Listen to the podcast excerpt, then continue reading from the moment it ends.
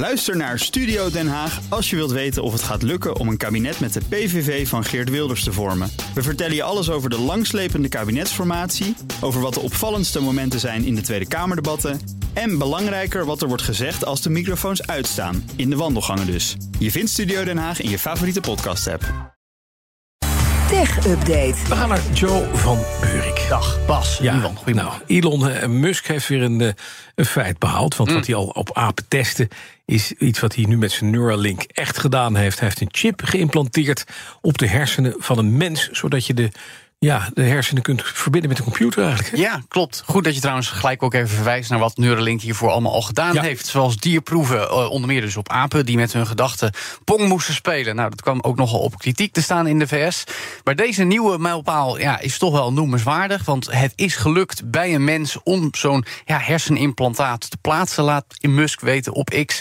Eh, verder weten we eigenlijk ook helemaal niet zoveel details over die persoon, wie het is, wat voor situatie. Alleen dat het herstel goed gaat na de operatie. En dat de eerste resultaten erop wijzen dat de ja, eh, eh, zenuwcelactiviteit van de hersenen eh, opgepikt wordt door het systeem. Nou, dat is mooi. Ehm, we kunnen daaruit opmaken dat dit effectief ook een prototype is voor wat het eerste product van Neuralink moet worden. Want daar heeft Musk ook over bericht op X. Dat gaat dan telepathy heten. En dat moet dan eigenlijk een soort gedachtenlezer zijn. Dat is dus wat ze nu aan het testen zijn. Een computer die die hersengolven kan oppikken om daarmee zaken aan te sturen. Nou, dan moet je dus denken aan eh, ja, ledematen of lichaamsdelen, armen en benen bij verlamde personen. Weer laten bewegen door nou, de aansturing vanuit de hersenen via een computer te laten gaan. Of zelfs blinde personen hun zicht te geven. Op zich allemaal nou, best nobele doelen. Maar er blijft natuurlijk een hoop discussie over de ethische verantwoording Nou. voor al deze activiteiten. Dat merkte ook afgelopen jaar toen in de zomer Neuralink pas in ieder geval zij toestemming te krijgen van de Amerikaanse medische toezichthouder FDA om dit allemaal te gaan doen met mensen. Dus wat dat betreft kun je zeggen, eh, niet de aap is los, maar de mens is los met deze Ja, ontwikkeling. ik vind het toch een blijft en ik vind het een heel eng idee. Nog steeds. eng, Bas. Ja. Wanneer Als het inderdaad helpt om mensen die bijvoorbeeld een dwarslezing hebben gehad weer te leren lopen, nou, is dat wel een mooie toepassing. Technologische vooruitgang is technologische vooruitgang, maar niet zonder discussie. Nee. Dan, eh, eh, je kunt echt eindelijk andere internetbrowsers op je iPhone gebruiken dan alleen maar Safari. Met dank aan de Europese Unie. Hè? Mhm. Ja. Vanaf vandaag. Nou, dat is in ieder geval nu aan de orde. Het wordt ingevoerd. Eh, het is een boeiend gevolg van de Digital Markets Act, die DMA, waar we het vaak over gehad hebben. Hè. Afgelopen week zorgde dat er ook voor dat Apple een lang verwacht alternatieve constructie presenteerde voor appmakers. Die mogen er dan nu voor kiezen om de App Store te omzeilen, waar je die commissies hebt tussen de 15 en 30 procent. Maar als je dat dan doet, dan moet je wel ja, voor eh, 50 cent per download van je app buiten de App Store gaan afrekenen. Via een, ja, eh, een ander systeem, zal ik maar zeggen. Nou, dat heeft ook een hoop tongen losgemaakt. Iets wat de, diezelfde Digital Markets Act ook afdwingt, is andere webbrowsers op je iPhone kunnen gebruiken dan Safari. Dus dat was eigenlijk zo, maar toch ook weer niet, legt de Verge uit. Want, ja, ik zie Iwan al lachen, want het is best technisch. WebKit. Juist. Ja. Je kan Google Chrome, Mozilla Firefox en dergelijke altijd op je iPhone gebruiken, maar dan niet met hun eigen engine, dus de technische aandrijving, maar die van Apple, WebKit. Ivan zei het al, dat is eigenlijk die achter Safari zit. Maar daardoor Je krijgt werken het allerlei. plaatje van Google Chrome, maar Precies. uiteindelijk de hardware van, van iPhone. Nou ja, het ziet eruit. Het is een beetje als- alsof je een auto hebt, maar alle auto's hebben dezelfde motor. Precies. Maar ze zien er wel anders uit. het maar maakt- dezelfde motor ligt Ja, op de precies. motorkap. Maar Dat het is maakt niet precies uit of jij nou een Jaguar, een Toyota of een BYD hebt. Het heeft allemaal een Chevrolet viercilinder. Ja. Dat idee moet je eigenlijk denken. Nou, eh, dat is nu dus aangepast. Eh, het voordeel daarvan is dat bepaalde features die bijvoorbeeld een Chrome of Firefox kunnen aanbieden, dan wel opeens kunnen werken, die eerder niet kunnen. Bijvoorbeeld extensies om dingen op te slaan of te filteren. Nou goed, in principe mag dat nu dus gaan gebeuren. Maar in de toelichting lezen we ook dat Apple wel toestemming moet geven aan ontwikkelaars van apps dat er een andere engine dan WebKit wordt gebruikt. Nou, daar is dan weer een hele, eh, eh, ook een heel proces voor af te werken. Dus ja, uiteindelijk blijven er wat mits en maren. En Alleen in de EU dus, want dankzij onze nieuwe Europese DMA als wet.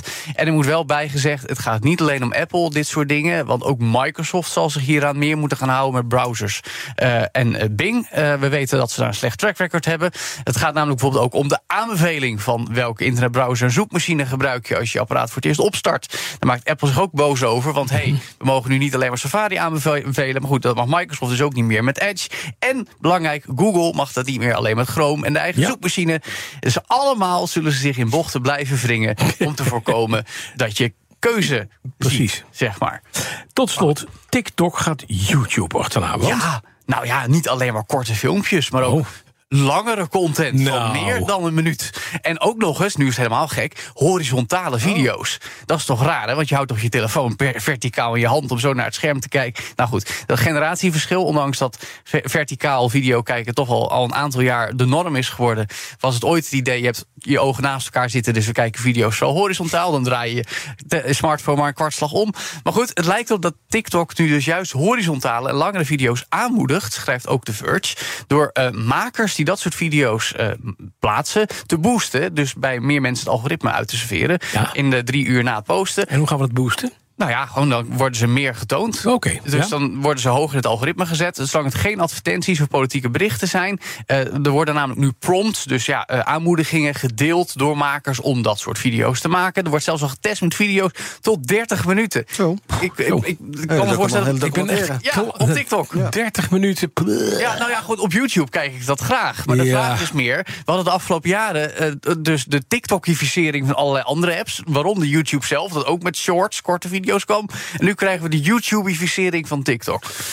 En moet je dan steeds, van, moet je dan steeds, wisselen tussen, oh, steeds wisselen tussen horizontaal en verticaal? Dat- Ja. Het ene filmpje is dan verticaal, de andere is horizontaal. Ja. En dan zit je zo... Ja. de- de- De flip, de tik, de flip te tokken. Er is maar één Oh, oplossing. komt het daar vandaan? Elon Musk moet een chip in jouw hersen stoppen... waardoor het Ja. automatisch... Met X erop. Zullen we even ophouden Zonder- met, met een beetje chips in de hersenen ja, stoppen? liever niet pas. Zo, dankjewel. Joe van Burk. De BNR Tech Update wordt mede mogelijk gemaakt door Lenklen. Lenklen. Betrokken expertise, gedreven innovaties.